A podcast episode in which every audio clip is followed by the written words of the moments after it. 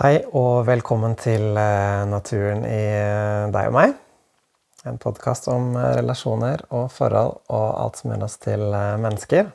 Hva skal vi drive med i dag, Julie? Ja, i dag så skal vi snakke om ærlighet.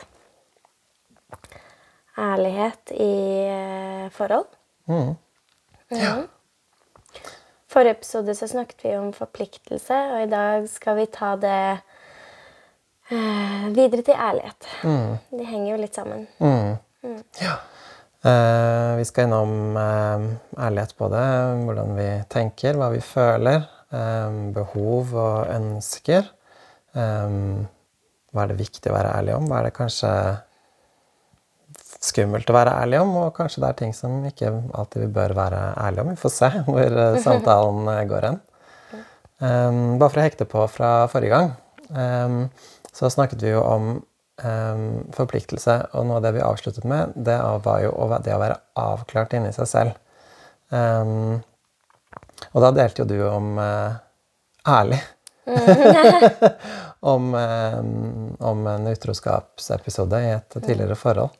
Um, og der trengte du jo å være ærlig, høres ut som. For det første du gjorde etter hvis jeg husker riktig, da du fortalte om det, det første du gjorde etter at det hadde skjedd, var jo å fortelle det til han du var sammen med da. Mm. Ja. Hvorfor, uh, hvorfor, gjorde du det egentlig? ja, det er et godt spørsmål. Um, jeg tror uh, mye av grunnen til det var uh, fordi jeg vet at du visste at det var galt. Mm. det jeg hadde gjort, var galt. Um, og en som jeg også sa i forrige episode, det sier jeg ikke med noe dømming i meg selv. Eller til dømming til andre som er utro. Fordi sånne ting skjer, og det skjer ofte av en eller annen grunn. Mm. Um, men eh, det var ikke riktig. Jeg hadde vært uærlig mm. med da min kjæreste. Uh, fordi vår avtale var jo å være monogame, å være sammen. Det var oss to. Mm, og mm, jeg tror at uh, og, og, jeg kjente også Jeg husker dagen etterpå så var jeg, hadde en sånn overveldende kvalme mm. av uh, Av den å bare føle at jeg har gjort noe liksom galt. da, Noe feil. Eh, så det var også samvittigheten som på en måte mm, Kanskje, ja, kanskje samvittigheten som viste til meg at det, var det, det, riktige å gjøre var da å fortelle til den personen at jeg hadde vært utro, hva jeg hadde gjort. da, mm. Som ikke var liksom rett. Mm.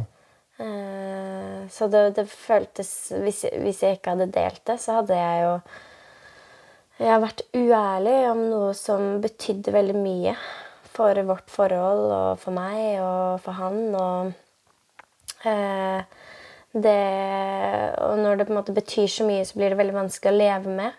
Eh, I hvert fall for min del. Jeg har veldig stor samvittighet. Mm. Og det spiser meg opp veldig hvis jeg har en følelse av at åh, nå har jeg gjort noe som ikke har føltes riktig. Da Da er det veldig viktig for meg å være ærlig om det. Komme, komme ut eller komme frem i det som har vært usant eller gjemt. Mm. Ja. Ikke sant. Og det er et veldig fin, spennende sted å starte for hva som skjer med oss når vi ikke er ærlige. For det er jo ofte der vi mm. blir klar over at det er noe som på en måte vi ikke er helt åpne om, for det er en sånn bakgrunnsfølelse. Eh, mm. Eller veldig fremtredende følelse, selvfølgelig, hvis man, som du sier eh, i ditt tilfelle, har gjort noe som du vet er åpenbart er galt. Da. Det er jo Utroskap er jo det det er en handling, eh, vanligvis. Og så kommer da dårlig samvittighet og anger og mm. den type ting. Um, og, og det er jo en, da har vi jo en hemmelighet. Mm. Å bære, bære, på en hemmelighet, dvs. Si å holde noe hemmelig, mm. er jo egentlig noe som krever veldig en, en aktivitet i oss. Det er noe vi faktisk må gjøre. Um, vi må hele tiden, liksom, hvis vi snakker om det, liksom, sånne store livshemmeligheter da, Jeg bare tenker på folk som lever med et annet forhold parallelt, f.eks. Ikke bare en hendelse, men har noe av livet sitt eh, gjemt for en partner. da. Eh, det krever veldig Ja! Bare riste på hodet. Ja. Eh, hun puster jo. Sånn, herregud, det høres jo veldig slitsomt ut. Ja, det, veldig slitsomt det krever veldig stor innsats. så Man må navigere veldig mye ulike narrativer for å mm, lyve. Mm. Um, for å holde noe jevnt. Um, og da er det jo ganske klart, tenker jeg, at uh, når vi må jobbe hardt for å holde noe jevnt, det er ikke holdbart. Det er ikke bærekraftig. Det tror- spiser deg jo faktisk opp. Mm. Ja, Som det ikke- energetisk av å holde noe tilbake som du, som du da skal gjemme, låse inne. Mm. Inne i et mørkt, mørkt rom, og du er den eneste som har nøkkelen. Mm. Da må du jo hele tiden både passe på hva du sier, og hva du gjør. og så Energetisk så tar det opp veldig mye plass. da. Mm. Man kan ikke være seg selv, man kan ikke slappe av. Nei, ikke sant. Um, det er belastende for sjelen, vil jeg til og med si. Um, og det skaper veldig mye stress i kroppen. Um, og, og selv om ikke det er en, på en måte en, å leve to parallelle liv, da, noe så ekstremt, men det å ha en hemmelighet, å bære på den, den uh, dårlige samvittigheten. Um, Folk uh, kan jo ligge på dødsleiet og bare endelig få den frigjøringen som kommer med å være ærlig om en hemmelighet da, når man er båret hele livet. Um, det sier litt om hvor viktig det er. Og hvor viktig dette temaet egentlig er. fordi dette er jo bare en slags tuppen på et isfjell, på sett og vis. Um, på et helt fenomen som vi skal plukke litt fra hverandre og gå litt mer til verks med på mer subtile nivåer. Da. For dette er jo det åpenbare. Din, din utroskapshistorie var jo også noe som var åpenbart for deg, at den måtte deles. Det kunne ikke være i deg eller mellom dere. Um, men så er det disse mer subtile tingene, da. Som kanskje ikke vi får direkte dårlig samvittighet for. Men liksom Ja, bare noe vi ikke sier, noe vi ikke deler. Hvordan vil du si at det kjennes for deg, når det, hvis du har et mer, når det er mer et slags dilemma? da? Ja, um, jeg syns det er eh, egentlig et interessant spørsmål for meg. Fordi jeg legger merke til eh, at jeg har en sånn veldig trang til å være ærlig. Mm, som eh, jeg kjenner liksom spesielt egentlig med deg. Og det tipper jeg har mye med både meg som person og litt hvor jeg er i min egen selvutviklingsreise. At jeg, jeg ønsker ikke å være uærlig. Jeg liker ikke å gjemme.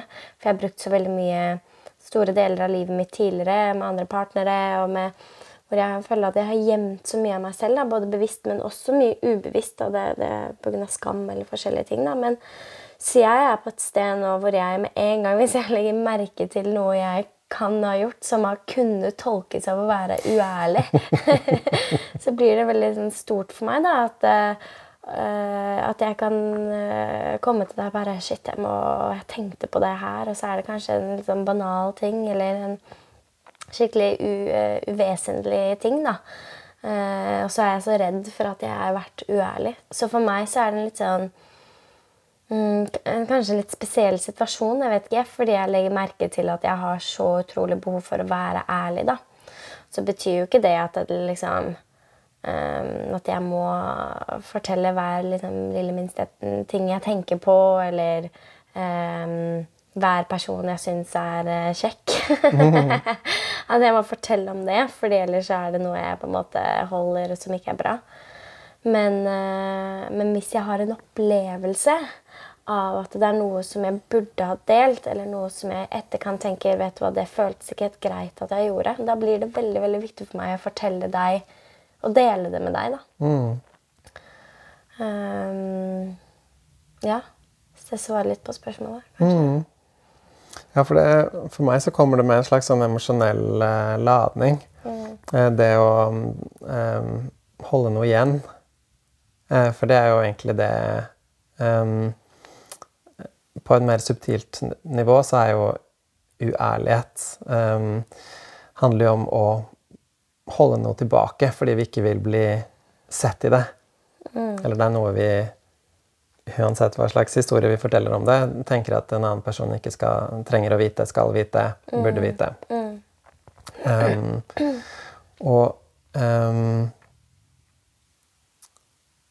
å legge merke til for meg den der hold igjen-impulsen, den har blitt uh, veldig viktig.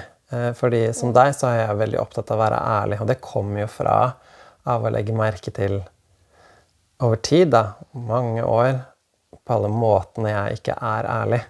Eh, Og det er jo og for andre. Og så har jeg også da oppdaget gjennom det at jeg ikke er ærlig overfor meg selv også, som jeg skal komme tilbake til.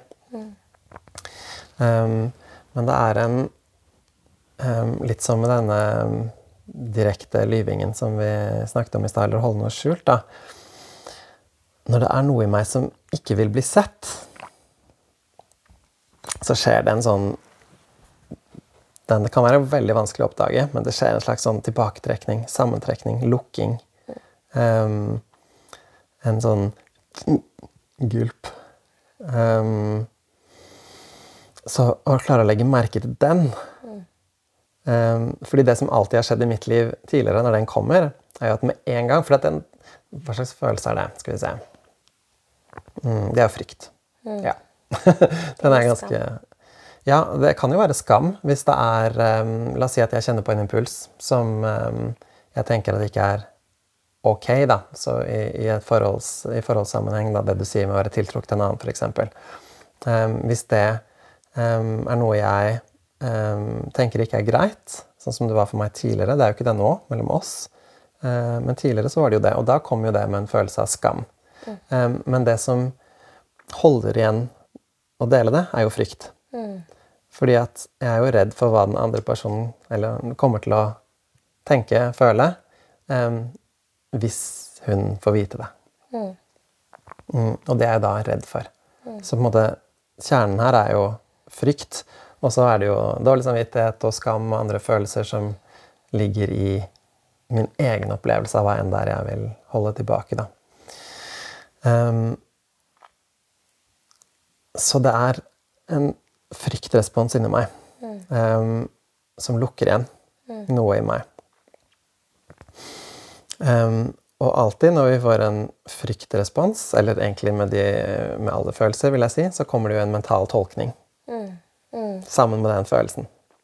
Um, og det her er litt spennende fordi at uh, tidligere i livet, da jeg hva skal jeg si, trodde på alle tankene mine um, Og hadde et veldig intellektualisert eh, tankemønster så ville jo da naturlig det komme en tanke i meg som rettferdiggjorde hvorfor det ikke skulle deles.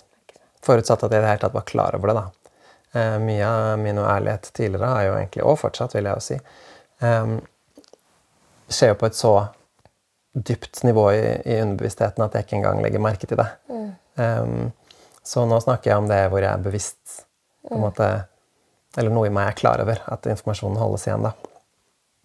Da kommer det en rettferdiggjøring mm. ja. Eh, med hvorfor det er riktig.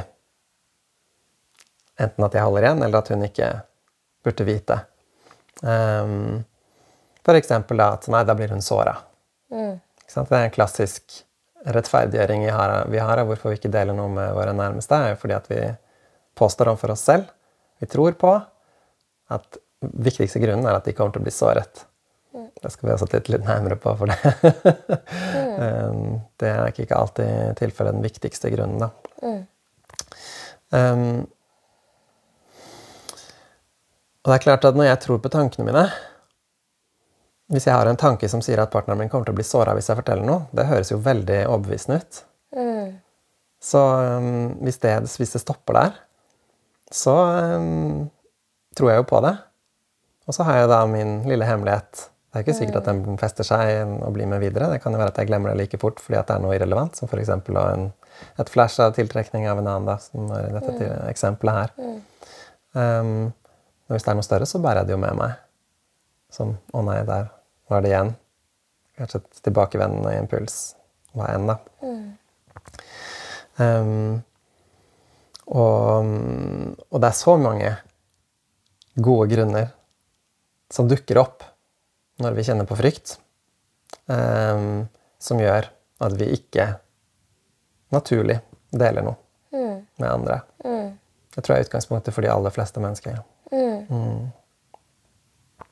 Kan du kjenne deg igjen? Mm. Ja, og så driver jeg og legger eh, Tenker på måten jeg da f.eks. ting jeg holder fra venner versus deg, eller familie Alle disse forskjellige relasjonene, da hvor man, kan, hvor man kan gjemme ting, og hvor man har alle disse eh, narrativene og tolkningene som, eh, som passer i den relasjonen, og som passer i den relasjonen. Og, um, mm. og så det skjer så subtilt. Eh, og det er derfor også jeg sier at, eh, at jeg kan ofte ha en opplevelse etterpå at uh, uh, i mer liksom, hindsight eller en refleksjon eller dukke opp at eh, Oi, jeg gjemte det, eller Oi, det, det Eller jeg um, var ikke ærlig om det. Eh, og så kommer skyldfølelsen eller eh, samvittigheten kryper inn. Mm. Men jeg tenkte på en ting også. Når, eh, eller hvorfor tror du at vi, det er så viktig for oss å være, være ærlig? Eller kanskje nesten heller hvorfor har vi så lett for å, å være uærlig? Vi snakket jo egentlig litt om det, men Ja, for å starte der, da. Ehm, det er jo del av en måte vår eh, normale syke, vil jeg si. Det at vi har jo et selvbilde som vi ønsker å opprettholde overfor andre mennesker. Vi bruker jo veldig mye av tiden vår til å forsøke å kontrollere hvordan andre mennesker opplever oss. Eh, og da er jo måten vi snakker om oss selv på, helt sentralt. Eh, slik at vi er jo hele tiden er vi jo regissører for eh, hvordan vi fremstår. Eh, og driver og forhandler egentlig med omgivelsene våre til enhver tid. Eh, Hvis noen sier noe som vi oppfatter som kritisk om oss selv, da, så må vi jo protestere og forsvare oss, tror vi. Eh, for å forhindre at den personen ser oss på den måten. Det pleier jo å feile ganske bra. um, annet enn at det blir eh, en konflikt av det, eller, eller vi opp, oppleves som at vi ikke er i stand til å høre andres innspill om oss, f.eks. Um, så for, for meg handler det veldig mye om egentlig bare om selvbildet. Litt det samme som at eh, hvis jeg skal avsløre noe om meg selv som jeg ikke liker, da, enten en impuls som vi snakker om, eller å ha gjort noe som en annen person ikke, ikke liker, eh, da ødelegger jeg jo mitt eget eh, rykte. Det- På sett og vis. Og det er jo en av våre største frykter, er jo ikke passe inn. En måte, vi er jo biologiske vesener, og til, vi er flokkdyr, vi mennesker. Så vi er helt avhengig av at andre liker oss. Eh, Og hele psyken vår er jo på en måte skapt rundt å fungere som sosiale vesener. Så livet er jo helt sentralt. Mm. Vi, vi må på sett og vis ha evnen til å lyve. Jeg mener, og dette sier jeg jo ikke ut ifra en, en, et intimt forhold, men i samfunnet for øvrig. Jeg tror vi alle er enige om her at eh, det er ganske mye vi fint kan la være å si til, eh, til eh, visse mennesker som vi ikke har en, en nær relasjon til. Mange ting de ikke trenger å vite om oss. Og det er jo rett og slett fordi at de kanskje ikke har muligheten til å se se den virkelige delen av oss selv i det. da. Ja, fordi det, det hjelper oss å, å filtrere. Eh, og, og, og dømmekraft. I, i hva er det som er trygt å dele nå? Eh, hva er det som eh, ikke trengs å dele nå? Eh, og det er jo egentlig en ganske uh, intelligent uh, evne som vi har som mennesker, å kunne ha den Å kunne filtrere og um, dømmekraften vår. og det er ganske revolusjonerende egentlig, ting som vi har med oss da, som mennesker. Ja, for å kunne vurdere er det trygt eller ikke, rett og slett. Det er jo på en måte I en sånn evolusjonær kontekst så er det jo ikke trygt å dele de mest intime hemmelighetene sine eh, over lunsjbordet på jobben, f.eks. det er jo ganske stor risiko å gjøre det. Um, tror vi, da, i hvert fall. Um, og så vil jo vi kanskje stille litt, sette litt spørsmålstegn ved det. Mm. Ikke at vi skal gjøre det for enhver pris, men vi, som du har vært innom, så praktiserer jo vi ganske radikal ærlighet i forhold til um, gjennomsnittet. Og her sitter vi i denne podkasten og utleverer veldig personlige ting om oss selv. Um, og det er et nivå av ærlighet som de fleste, tror jeg, er på en måte hever litt øyenbrynene av det. da. Og bare Oi. Um, det var, vet jeg ikke om jeg hadde turt.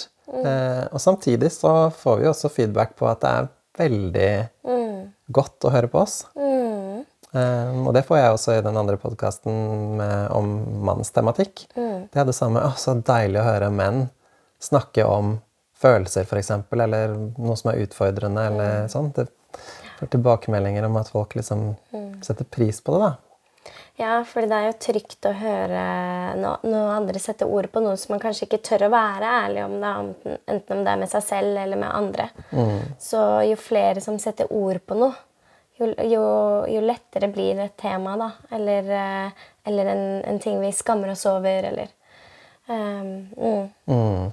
Gjør det mer tilgjengelig. Mm. Ikke sant? For vi trenger jo være mer ærlige. Når jeg ser på en måte historisk og ser hva som eh, var tilgjengelig av menneskelig tematikk og indre liv i, for 50 år siden og 100 år siden, da, f.eks. i media, så er vi jo på et helt annet sted, og det er jo skikkelig bra. At vi kan snakke om ting som er vanskelig utfordrende, så har vi fortsatt eh, langt å gå. da. Spesielt i på en måte vanlige mellommenneskelige relasjoner fordi vi bruker så lite tid, tror jeg. For lite tid til å snakke om det som er personlig, og for mye tid til å snakke om meninger og, og sånn. Ja, for jeg føler jo eh, veldig mye av det som jeg kanskje savner, da. ehm, generelt i samfunnet, er liksom ærlighet rundt følelser. Eh, hva følte du når du opplevde det? Helt ærlig, hva kjente du på da? Eh, eller hva, hva kjenner jeg på når eh, en eller annen setting, da. Det er, det er det som er interessant. Det er jo det man um, som jeg skulle til å si som man vil vite, da. For det er det som er virkelig ærlig, er jo den Hva er det du sitter og kjenner på? Hva føler du da? Hvordan, hvordan føler du deg i den, visse, i den settingen, eller For det er jo det jeg kan kjenne meg igjen i når du forteller, noe, forteller meg om noe du har opplevd som jeg ikke har opplevd. Det jeg kan kjenne meg igjen i, er jo din indre opplevelse av den opplevelsen. Hvis du klatrer litt opp ned et fjell, og hvis jeg er kjempeinteressert i det tekniske rundt det, så kan jeg fint høre på deg om alt utstyret ditt og hvordan du gjorde det. Men det er jo den menneskelige delen av det, og den bragden og den mestringsfølelsen og de utfordringene og hva som var i veien og alt som er rundt det, som jeg kjenner at jeg blir interessert i, og som jeg har lyst til å høre om, og som jeg så da, derfor kan bli engasjert i. da. Og så skaper det jo empati, eh, mest sannsynlig. I hvert fall ofte. Um, og så utvikles, utvikles Utveksles Utveksles det jo også liksom, hormoner når du, når du deler noe sårbart om dine følelser som er liksom dypt i deg. Så forveksles det jo hormoner mellom deg og meg, så det skaper jo kontakt. Det skaper eh, sammenhet og trygghet og connection, da. Ja, det er viktig, altså. Mm. Mm. Skikkelig viktig. Det knytter mennesker sammen å være personlig. Og det er- taler jo egentlig for å snakke mer om personlige ting rundt lunsjbordet, for eksempel, da, bare for å fortsette det eksempelet. Fordi at vi trenger å ha ekte bånd også med mennesker vi jobber eh, sammen med. Mm. Så vi sitter jo her som um, um, med vår ehm, med, med vår verdi, egentlig, og ærlighet, hvor viktig det er. Og på en måte med en oppfordring, da, ut, ut fra det vi snakker om her, til å utfordre seg selv til å være mer ærlig. Fordi de fleste av oss, i hvert fall i vår egen opplevelse der vi selv kommer fra, er på langt nær ikke ærlige nok em, generelt. Em, så, så det er, nå har vi jo snakket om én ting. em, som er på en måte det relasjonelle med, med båndet. da, Og det gjelder jo også for forhold. Eh, noe av det viktigste med ærlighet i et forhold er jo nettopp for å skape bånd eh, og trygghet, som du sa. Når du forteller meg hva du føler, eh, tenker og hva du opplever, så, så bygger det trygghet i, for meg. Og når jeg kjenner at du er åpen. Ja, for det er jo da du kan bli kjent med meg. Mm. For jeg er jo ikke mine historier eller tolkninger eller narrativer. Jeg er jo mine Blant annet mine følelser. Mm. Så når det deles, så blir man jo ordentlig kjent med en person. For da blir, kommer man så forbi fasaden og det ytre. og Man kommer bare nærere kjernen. Det, skal, det er jo trygt, det er godt. Det er godt, å, det er godt å kjenne deg. Når du deler dine følelser som ikke også er kjent for meg. Um, som ikke er så åpenbare for meg, eksempel, eller ting jeg ikke, vet at du um, um, kjenner på i visse situasjoner, om det er frykt eller skam eller glede, for den saks skyld, eh, så kan jeg, ved at du forteller meg det, det gir, det gir tilgang til at jeg, kan, at jeg kan kjenne deg. At jeg kan sitte her og ikke bare høre på deg, men jeg kan kjenne deg i det du prater om. da. Så det er så, det er så vakkert. Det er så utrolig trygt. Det er så godt.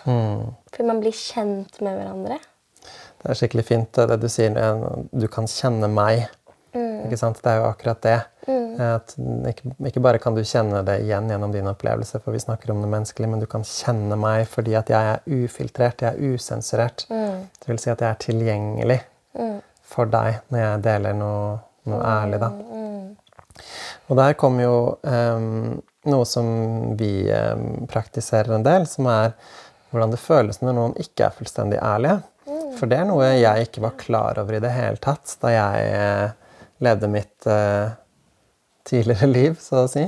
Um, da jeg på en måte ut av vane bare holdt igjen mye informasjon. Også fordi at jeg kommer fra en bakgrunn av å um, ha litt lav tiltro til meg selv og lav selvtillit. Og um, fra mye alenehet og um, og sånn, Så jeg jo vokst opp med å, at det um, å være åpen og tilgjengelig er farlig.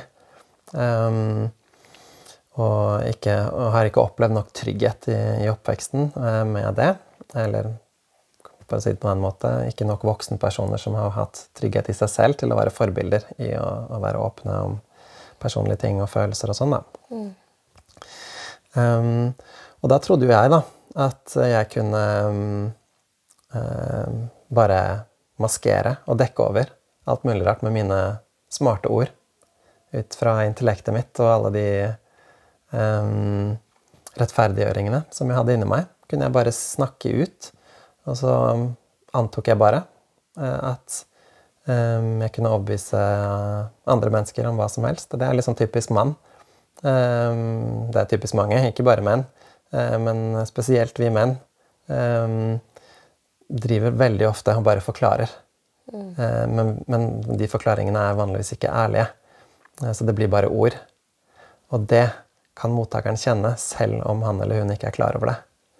Um, vi kan kjenne inni oss når noen ikke er oppriktige. Det vil f.eks. at noen bare forteller halve sannheten. Det er ikke uten grunn at det er et uttrykk, ikke sant?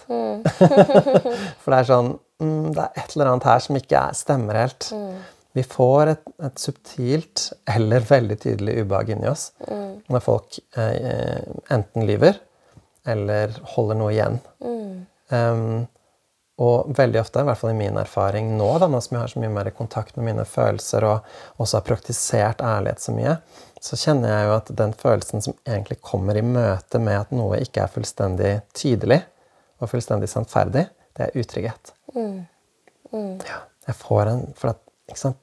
Selvfølgelig, fordi at det som holder igjen hos den andre, er jo også frykt. Så da sitter jo jeg der også med den samme frykten. Hva er det som er farlig her? Hvorfor, hvorfor må du holde igjen noe? Hva, hva er det som egentlig er skummelt? Og så går jeg kroppen min rett og slett i beredskap. Det er evolusjon, da. Det er bare natur.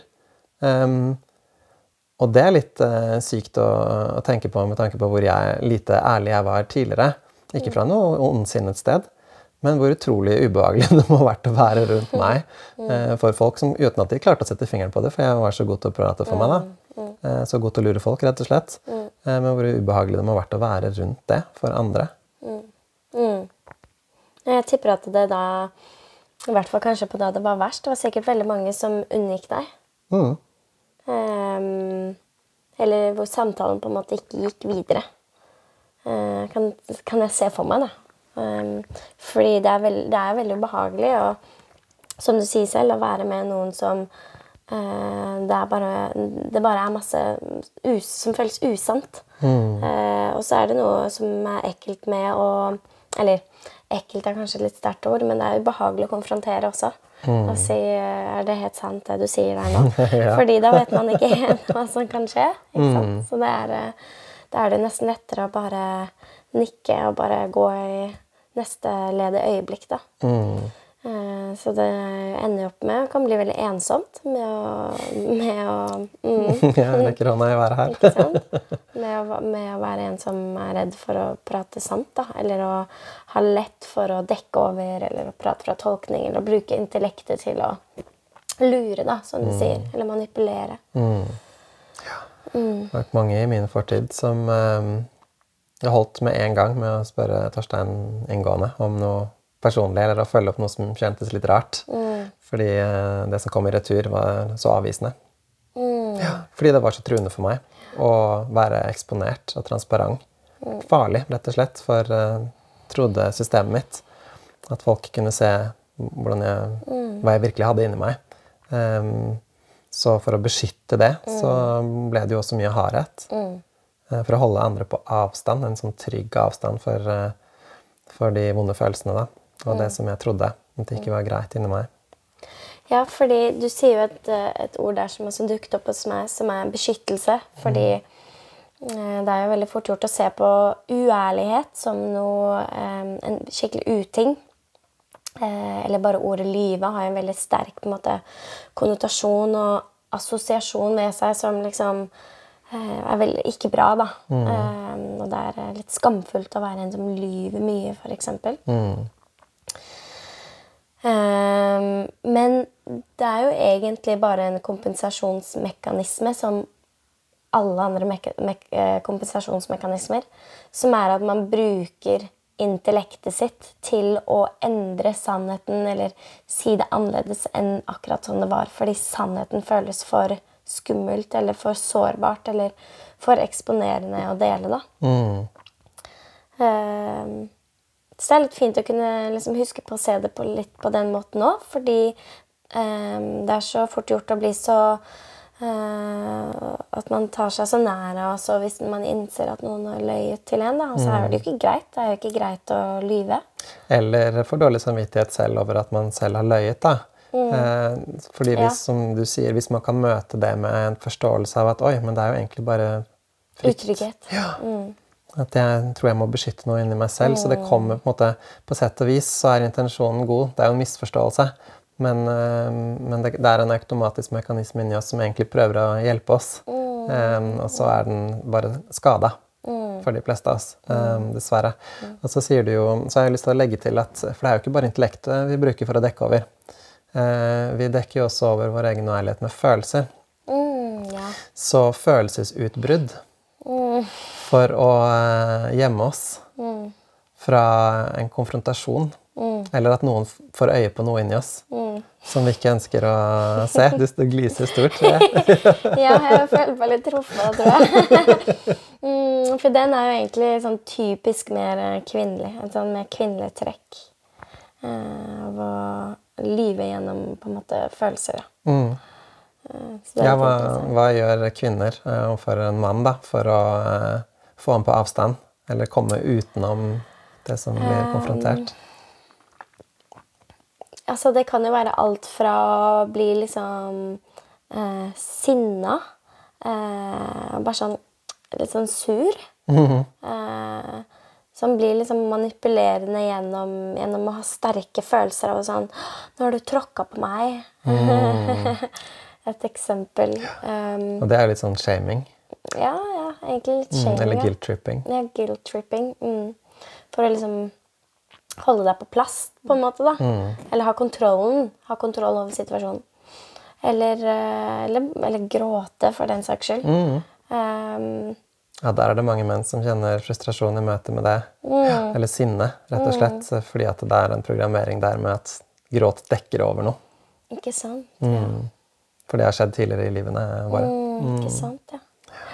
Og det er jo også vanskeligere å si hvis jeg vi snakker om noe hvor egentlig du på en måte prøver å fortelle meg om et eller annet som du føler at jeg ikke gjorde riktig. Det er var ser livet. Mm. Ja. Og så bare møter jeg det med å gråte, så er det veldig vanskelig å bli sånn Nei, nå må du høre på meg, du kan ikke gråte. Man automatisk blir jo litt sånn um, Skal passe litt på den personen som gråter, da. Mm. Og da unngår man jo kjempemye en situasjon. Hva det egentlig handlet om, da. Mm. Og klassisk for menn er jo sinne. Mm. Ja. Ikke kom nær der.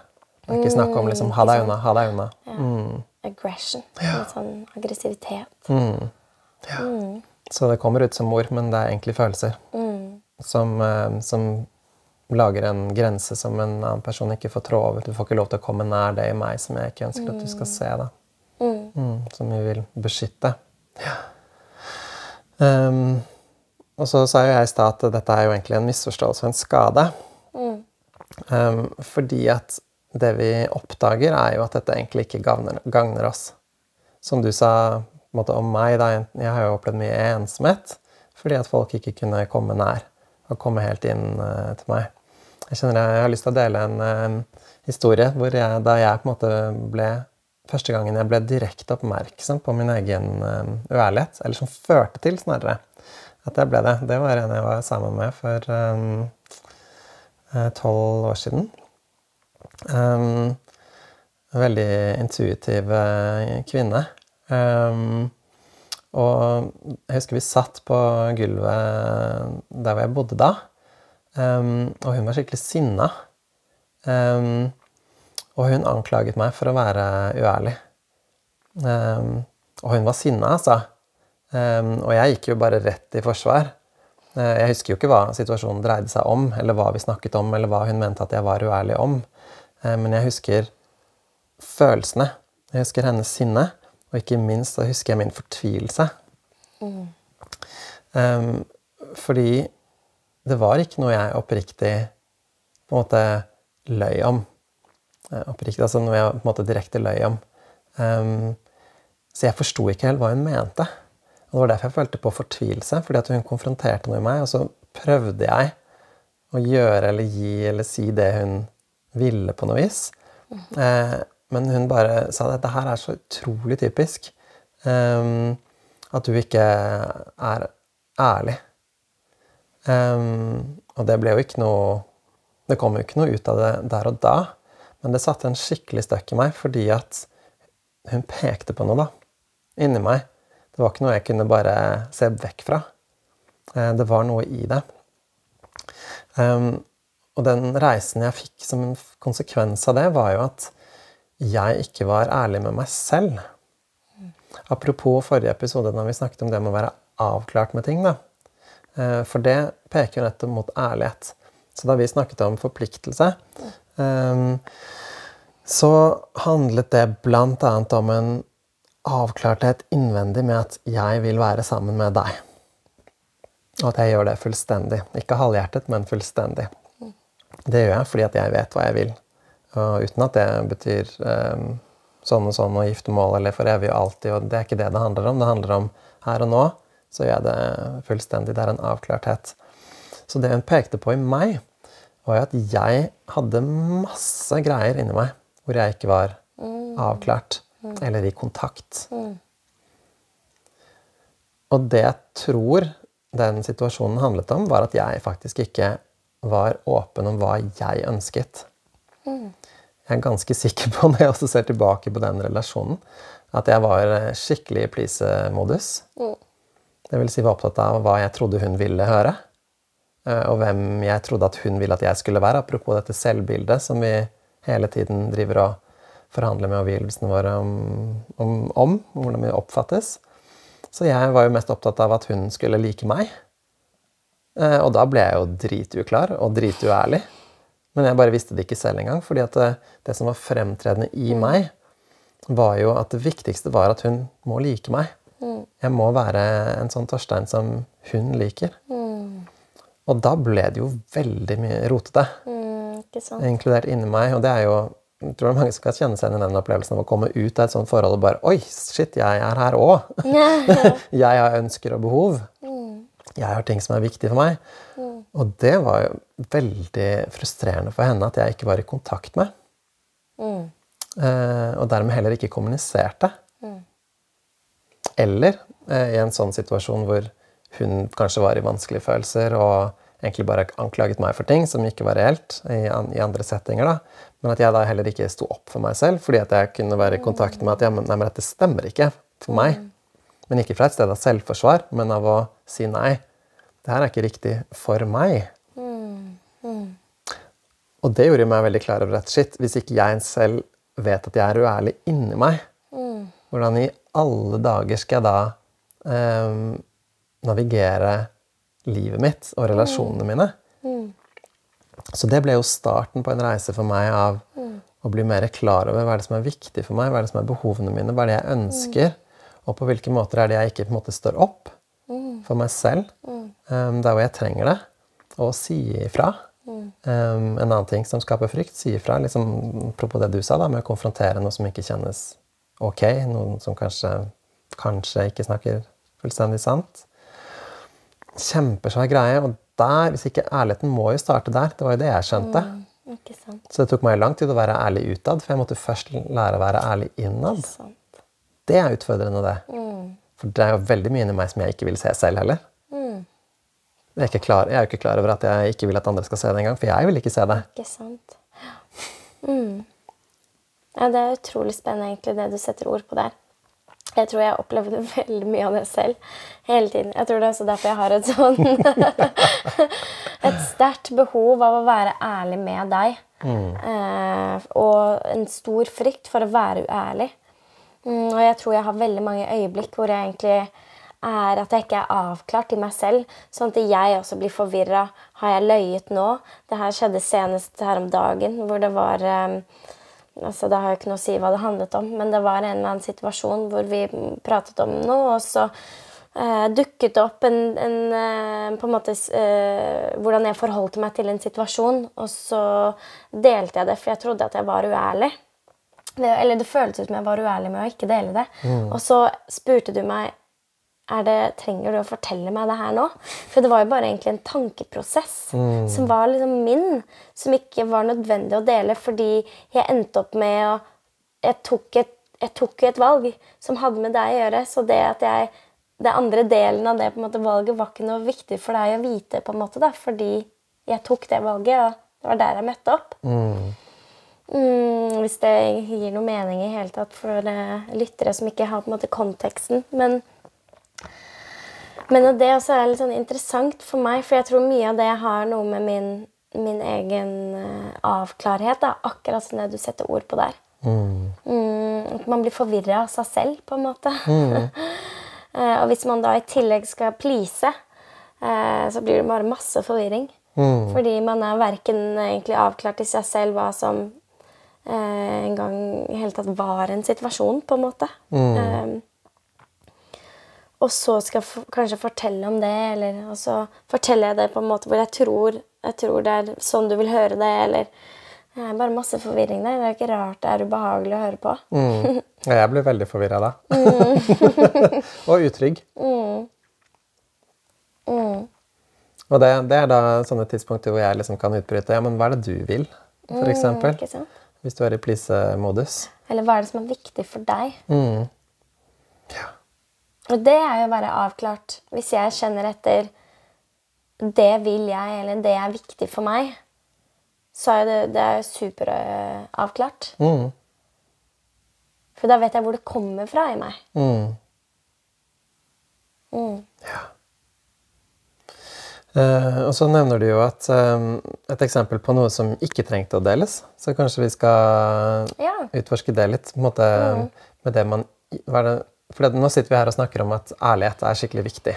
Eh, vi praktiserer det jo radikalt. Um, og jeg, begynte å praktisere det kan jeg fint nevne som en, en konsekvens av den historien jeg fortalte. da. Fordi um, jeg skjønte jo at jeg var nødt til å praktisere radikal ærlighet um, for å øve. For å på en måte um, utfordre den mekanismen inni meg som vil beskytte og skjule. Så jeg måtte begynne å dele ting mest mulig for å um, gjøre noe annet enn det. Men så selvfølgelig også for å erfare da igjen og igjen at det å være ærlig og dele noe personlig ikke er skummelt. At kroppen min får direkte feedback på at det er trygt å være personlig. da. Um, men det, jeg, jeg måtte øve. Jeg måtte legge merke til, um, og så utfordre meg selv på å si det. Og det var dritutfordrende. Um, og jeg gikk jo selvfølgelig ofte litt sånn um, Om ikke gærent, så i hvert fall det ble jo vanskelig, da. Og så er det jo at om man er vant til å ikke være ærlig, så blir det jo mye som blir sagt som kanskje fortsatt ikke er ærlig, at vi er i en prosess med å prøve å avklare og finne ut. Så det er i hvert fall ett steg videre, men det er fortsatt ikke ærlig på, på, på et fundamentalt plan. da. Men det er jo reisen vi bare må gå, og også fordi vi har jo ikke evnen til å gå fra så mye uærlighet som de fleste har i seg, til fullstendig ærlighet. Det går jo ikke. Mm. Dette er jo en reise. Um, og så, ja, så kjenner jeg jo egentlig at um, Nei, forresten. La oss gå til uh, Hva er det som vi ikke trenger å være ærlige om, kanskje? Mm. Eh, da dukker det i hvert fall opp eh, ordet 'oversharing'. Ja. Mm. som eh, kommer veldig passende inn der. For det er også en grunn til at det er et, et ord eh, og en handling. Det er jo hvis jeg eh, kanskje forteller unødvendig mye om, eh, om et eller annet som ikke du har noe med å gjøre. Det har noe, du har ikke noe nytte av den informasjonen. Det blir bare jeg som bare deler eh, for å dele. Eh, kanskje fordi jeg eh, bare åh, jeg bare trenger å lette på samvittigheten, eller jeg bare orker ikke å Eller jeg vil bare dumpe det, som man også sier. Liksom dumpe det på en annen person. da. Ehm, ja. Og, og der er det jo veldig mange måte, kategorier, ehm, føler jeg. Som om det er eh, eh, altså Det kan være tanker om en annen person som er liksom kommer fra et dømmende sted i oss selv, eller Det er jo masse forskjellig som vi ikke trenger å dele. Men ehm, ja, det er vel eh, Litt kompasset er vel Er det nyttig for deg, det jeg deler nå? Er det noe nyttig informasjon, eller er det bare som en sånn søppelsekk som bare Du kunne vært hvem som helst. jeg trengte bare å dumpe det. Ja, for da bruker du jo min oppmerksomhet til å um, få, få oppmerksomhet, rett og slett. Ikke sant? Men- Bekreftelse, eller Så du er ikke ærlig for å på en måte være transparent. Nei, ikke Du, du bruker tilsynelatende ærlighet, for jeg vet ikke om det er ærlighet, egentlig, Mm, mye av det der. Eh, men bare bruker det til å få min oppmerksomhet. sant, ja. ja, så det er jo kanskje ikke helt ærlighet, men det er i hvert fall en måte hvor vi da har lett for å eh, De gangene hvor man ikke trenger å dele alt. Mm. Men det, er men det er et veldig godt eksempel også, fordi Mm. at veldig ofte når vi opplever dette som oversharing, da, det vil si noen deler pinlig mye eller noe sånt, det er jo fordi dette er ubehagelig. Mm. Um, det er ting jeg, Dette her vil jeg ikke vite. Hvorfor forteller du meg dette her? Mm? Um, har ikke noe med meg å gjøre, akkurat som du sier. Og hvis jeg føler at en ærlighet ikke har noe med meg å gjøre, hvis ikke det er fordi at jeg beskytter meg fra noe jeg ikke vil vite, som jeg egentlig burde vite, men bare at det er ditt liv som blir spydd ut, det er jo ikke den ærligheten som vi snakker om her.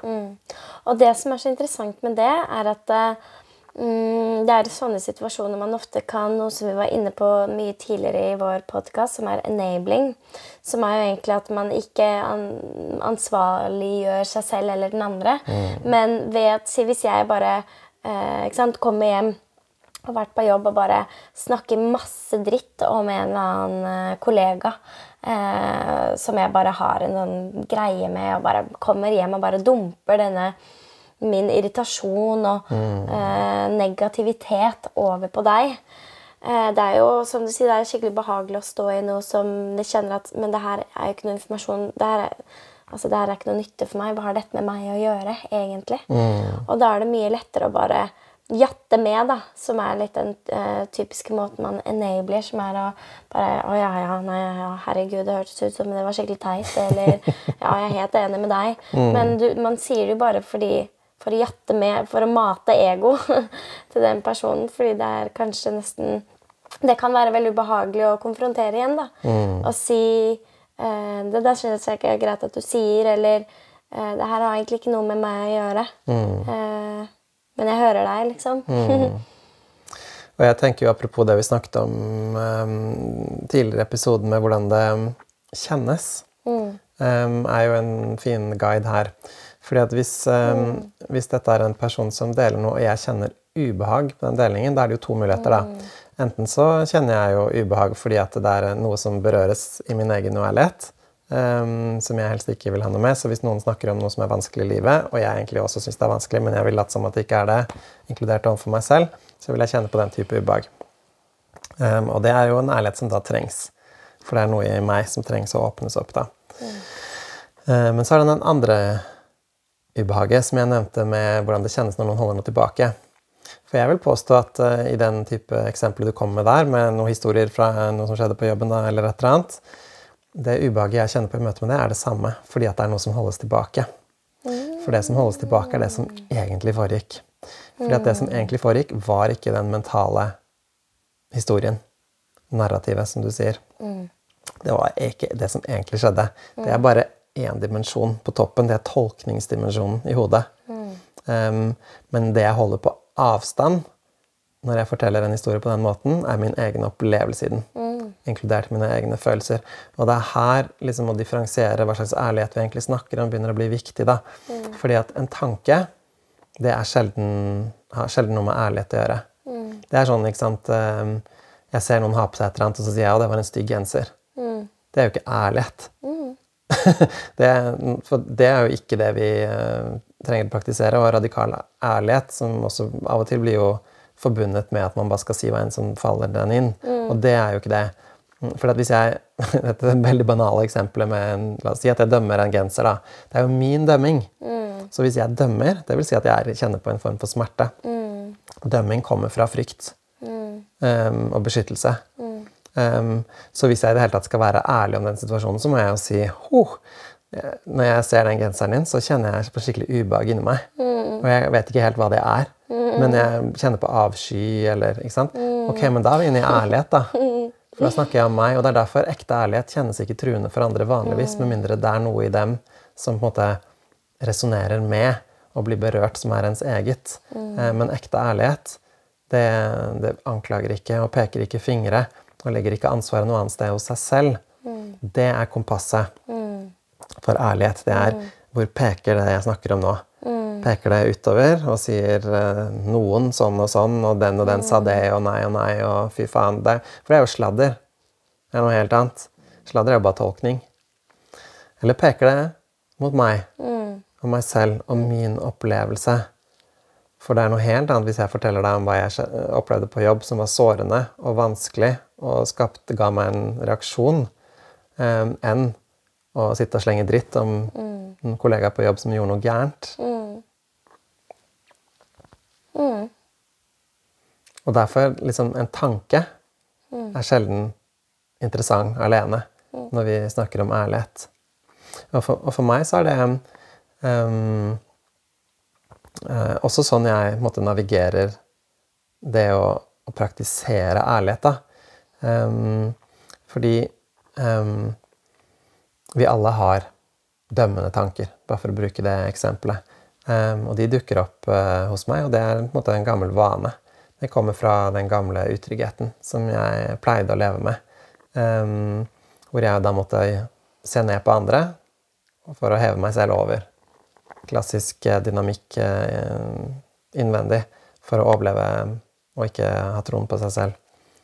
Um, så det, fordi at jeg har den programmeringen i meg, så kommer det innimellom tanker fra det såret. Mm. Um, men fordi jeg har vært i den reisen i meg selv og kjenner den smerten som kommer fra det, det såret inni meg, så vet jeg jo at tolkningen fra de, det stedet er helt uinteressant. Mm, så for eksempel med deg, da. Når det kommer en sånn dømmende tanke, det er noe jeg ikke deler. Mm. Um, fordi at det er ikke interessant.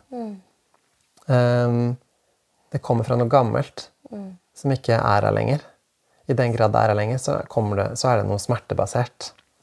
Um, og da får jeg heller, hvis jeg trenger å Det, det, det skjer innimellom uh, mellom oss. Mm. Uh, det er at ja, det kommer en eller annen sånn impuls. Og så skjønner jeg at du legger merke til det. Noen ganger så sier du ingenting, men andre ganger så spør du hva, hva skjedde inni deg nå, egentlig.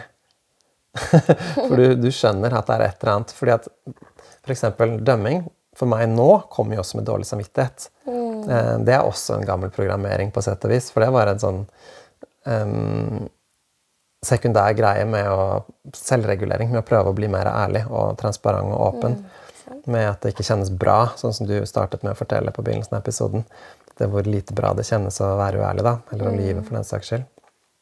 Um, Så en ren, gammel tanke den passerer stort sett forbi uten at noen legger merke til den. Men kommer den med en emosjonell respons, da pleier du å fange den opp. Og da har jeg et lite dilemma ofte. Um, fordi um, jeg ønsker jo ikke å gå inn i noe som ikke er ekte. Fordi en sånn dømmende tanke, den er jo ikke sann. Um, og samtidig, hvis jeg sier nei, ingenting, så snakker jeg ikke sant. Så du merker også det. Og så blir det bare enda verre. Det føles jo enda mer utrygt. Ikke sant?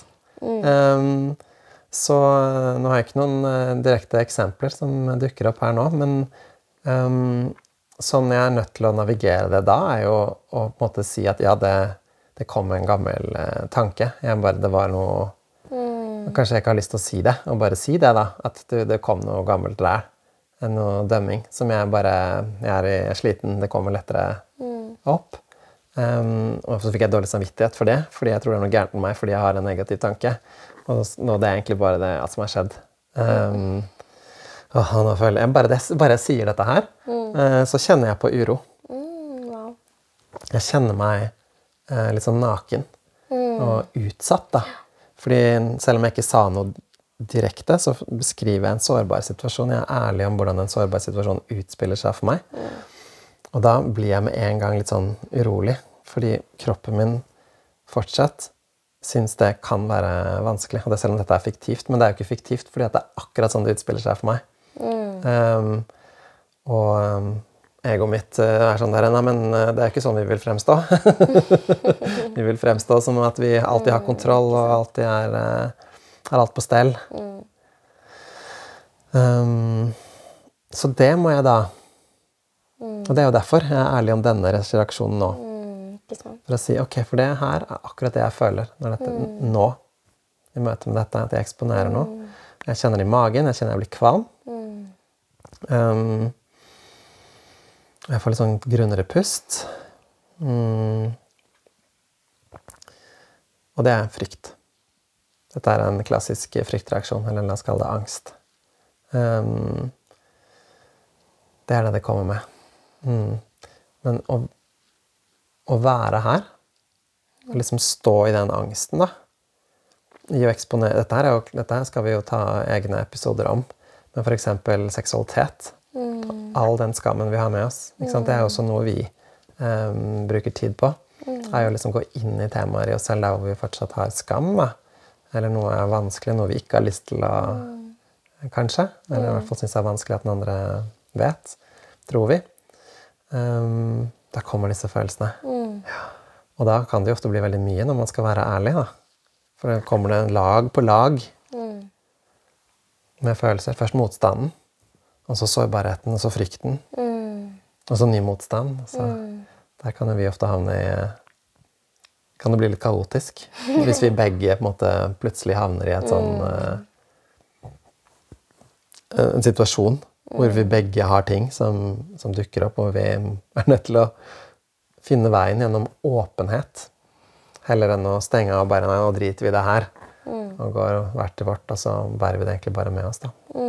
Vi er, bruker ofte veldig mye tid på å gå dypt og gå på en måte ordentlig til verks da, når det først skjer. På godt og vondt. Det kan jo være ganske ubehagelig. Eh, men det kjennes jo alltid lettende i etterkant. Ja, jeg tenker på hvor, eh, hvor utrolig dypt ærlighet går.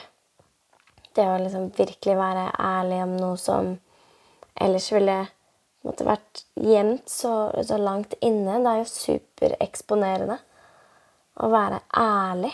Jeg er åpen, transparent i noe som jeg ellers ville gjemt, eller Det er skikkelig veldig, veldig sårbart. Mm.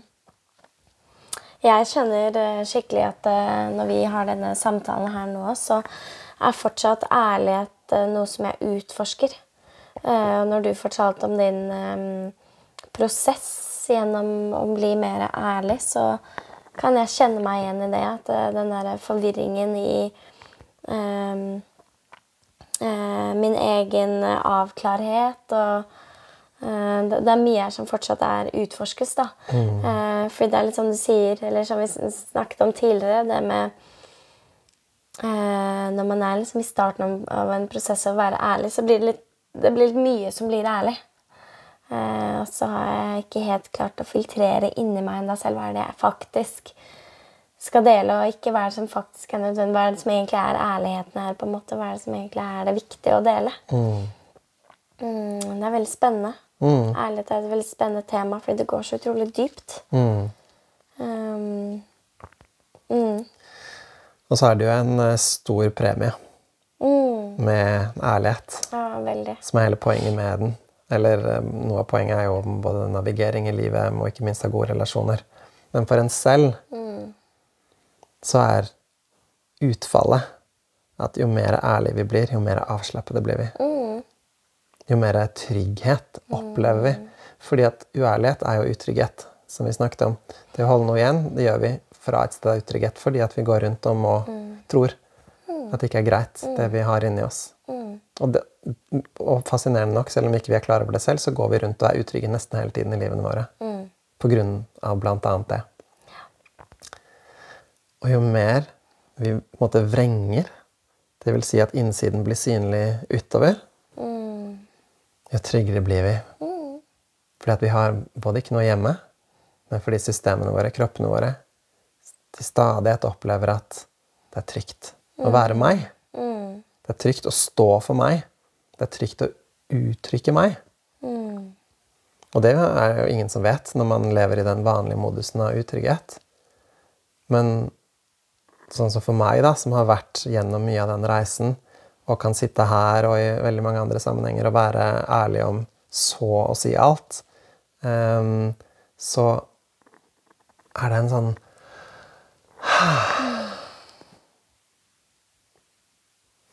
Og jeg liker jo meg selv mye bedre òg. Fordi at det som, jeg ikke, det som jeg vil holde igjen, er jo ting jeg ikke liker. Så det er jo som om Torstein på en måte blir akseptert av andre gjennom å akseptere seg selv. Ja, for det andre er jo også sin egen dømming. Av at man tror at det ikke er greit, eller at det ikke er bra nok, eller Jeg kunne jo f.eks. fort gjort og akkurat det jeg delte nå om at å, jeg kjenner at jeg er på en reise av å bli bedre kjent med ærlighet i meg selv og hvordan det føles. Det, var jo noe jeg, det er noe jeg kunne hatt sittet og her og følt og bare Dette kan jeg ikke være ærlig om, fordi jeg kan ikke være ærlig om noe sånt, eller det føles for eksponerende, eller jeg dømmer meg selv ved at jeg ikke at jeg ikke sitter her og føler meg like forankret i ærlighet som du gjør, f.eks. Mm. Eh, men det, så kan det bare være der, og så går det helt fint. Og så tar det ikke noe mer plass enn det det trenger å gjøre. Mm. Trenger ikke sitte her og bare kverne på det, eller å Jeg liksom sitter i frykt. da. Jeg kan bare dele det og fascineres over det, og så går det bra. Mm. Ja, og det er ærlig det å si at man ikke er perfekt. ikke sant? Det er veldig deilig for andre mennesker. Mm. Å høre på noen som sier ja, men jeg er ikke perfekt. Jeg syns også det er vanskelig. Jeg driter meg ut stadig vekk. mm. Og det er avslappende for en selv å gjøre det. Mm. For som du sier, slipper du å sitte der med skammen og frykten. Det er veldig hilende. Mm. Og så, kan jeg bli møtt i det. Og så er også gaven i det. At jeg kan si jeg være ærlig om noe, så kan du bare møte det med bare masse kjærlighet og empati og omsorg, og at du ser meg, og det er bare Da blir det jo det er så godt. Mm, ikke sant. Jeg tror eh, vi skal avslutte med en liten Det er nesten som en eh, teaser, for vi skal ikke gå inn i det. Eh, men noe som er veldig kult med ærlighet, er at det gir ens egne ord mer kraft. Ens egne handlinger mer kraft. Det er nesten som en sånn eh, superheltkraft. Um, med å, fordi at det er så stort samsvar mellom innsiden og utsiden. Og mellom virkeligheten, altså virkeligheten innvendig, og utvendig, og det som blir sagt. Slik at ord også får en kraft til å skape, til å skape virkelighet. For det kommer ikke fra løgn, det kommer fra sannhet. Så det, ærlighet innvendig kommer med en vanvittig evne til å påvirke på en god måte. Fordi den er ærlig. Dermed er det en god måte til omgivelsene. Mm. Som eh, Når det ikke er en egotrip, så er det skikkelig viktig for, eh, for verden. Men i denne konteksten, i denne podkasten Ærlighet, spesielt i forhold, det er for at det skal være transparent og trygt. Det bygger trygghet. Det bygger sammenhet. Det bygger nærhet og intimitet. Og hvis man vil ha et bra forhold, så er man nødt til å være veldig interessert i, i ærlighet. Ærlighet og åpenhet og Og invitere den andre til det å være det samme. Ja.